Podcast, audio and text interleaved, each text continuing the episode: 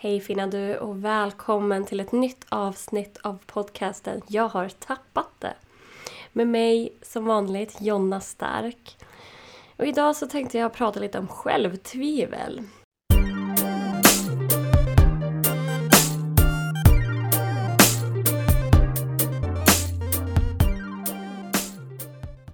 Ni som har följt mig i alla fall några veckor tillbaka har såg kanske att jag hade väldigt mycket självtvivel.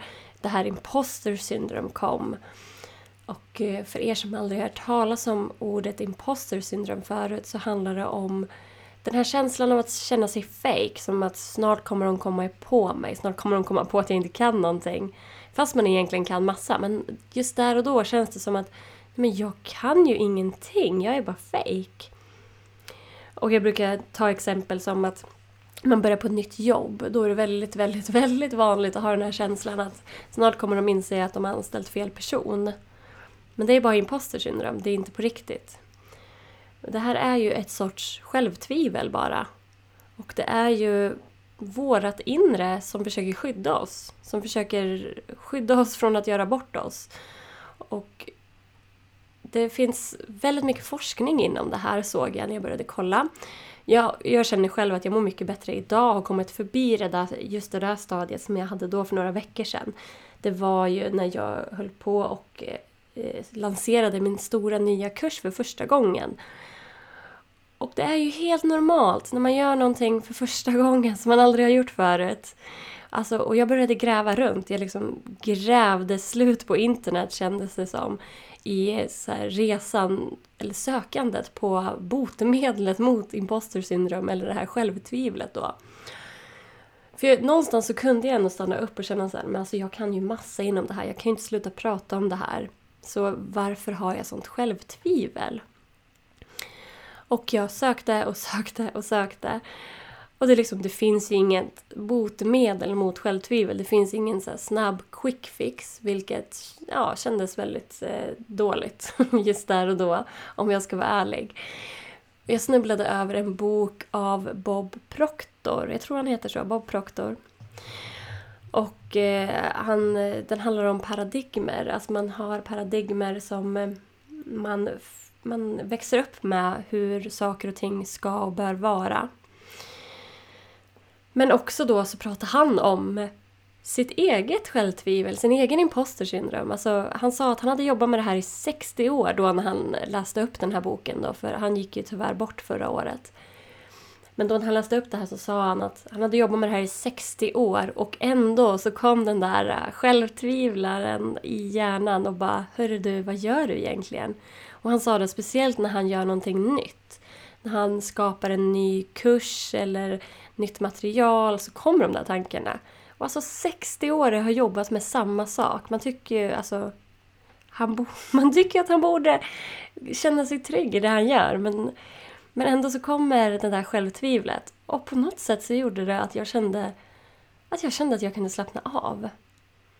För om han känner så, då är det inget konstigt att jag fortsätter känna så.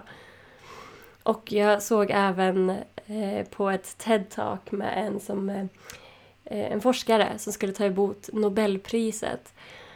Och eh, så står han på scenen, berättar han sen då, och liksom tänker att snart kommer de ta ifrån mig det här Nobelpriset för att de kommer inse att jag är fake.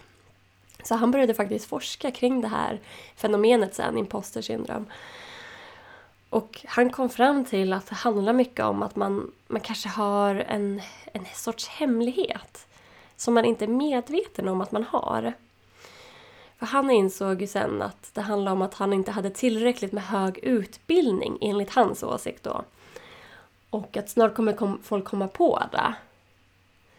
Så han insåg ju att enda sättet för honom att bli av med den där rädslan var ju att berätta för alla och så var det nu, någon tidning har jag för mig. Nu, det var länge sedan jag såg det här, det, där, det här klippet nu så bear with me om jag minns saker fel. Om det var en tidning som kontaktade honom och eh, det här kom fram då. Och han kände, när han berättade då att han inte hade tillräckligt med hög utbildning. För de frågade om hans högre utbildning och han hade inte det.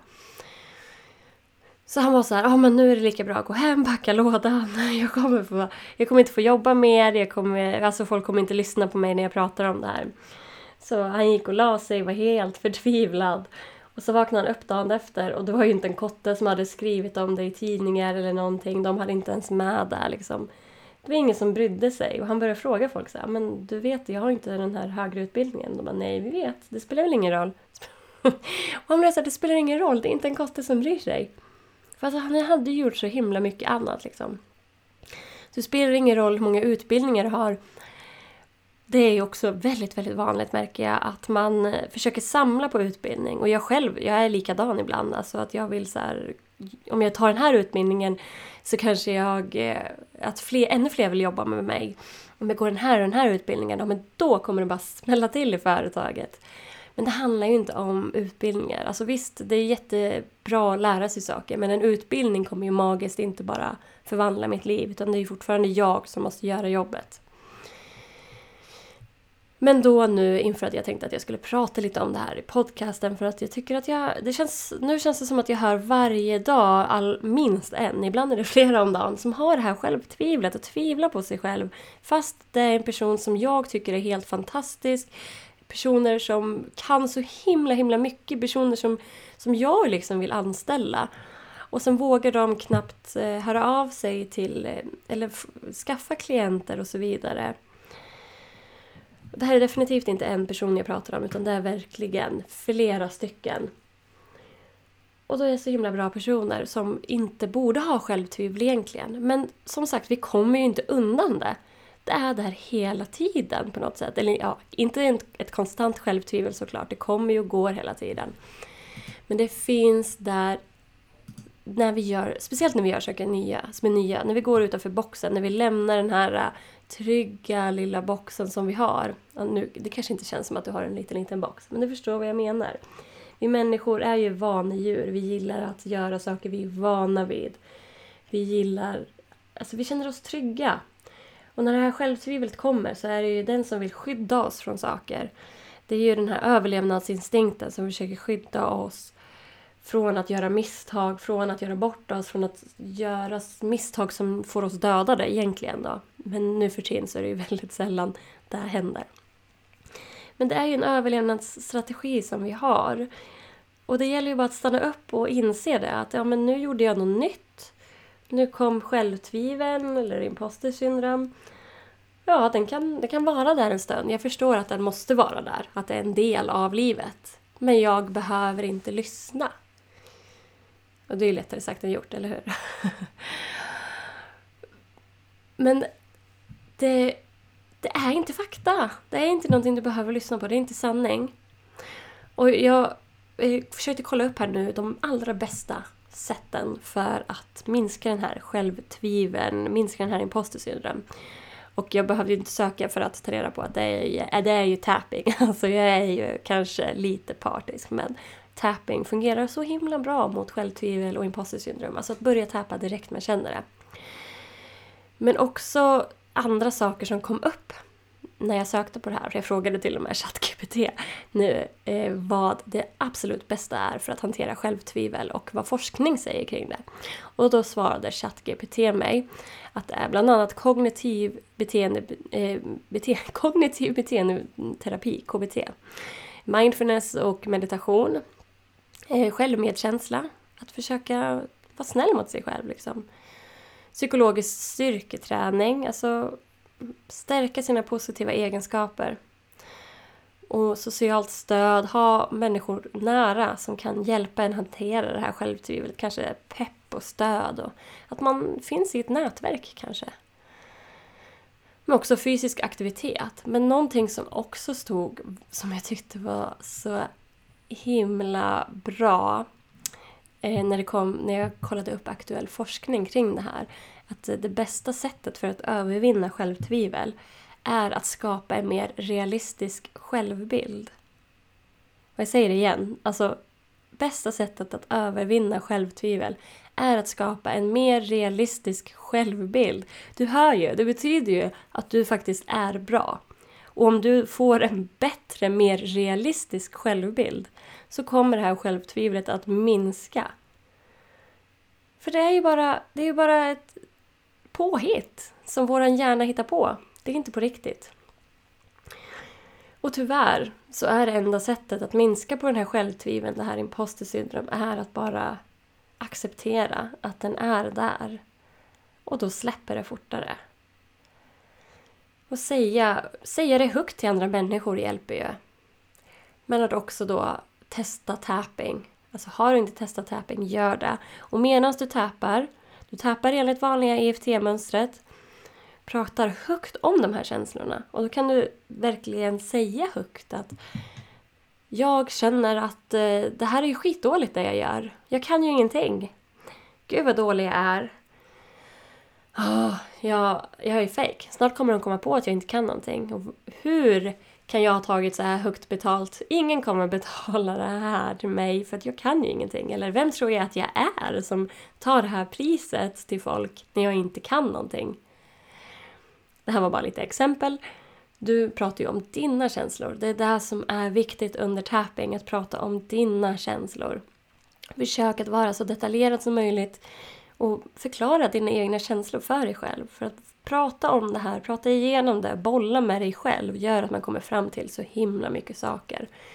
Och att man hör själv. Jag älskar när jag, när jag tappar då, att jag säger allt det här högt och sen frågar jag mig själv, är det här sant? Det här är ju lite från The Work med Katie Byron. Men är det här sant? Är det här verkligen, verkligen sant? Men nej. Och så tillåter sig själv att säga allting som man tänker högt också för att då hör man ofta hur larviga saker låter. Men det är helt okej. Okay. Det gör ingenting. Det är bara du som hör det då. Det, man, får, man får ha konstiga tankar. Man får ha helt vansinniga och galna tankar. Det är dina tankar. Och de, de är du. Det är det du är. Och alla känslor är tillåtna, alla tankar är tillåtna.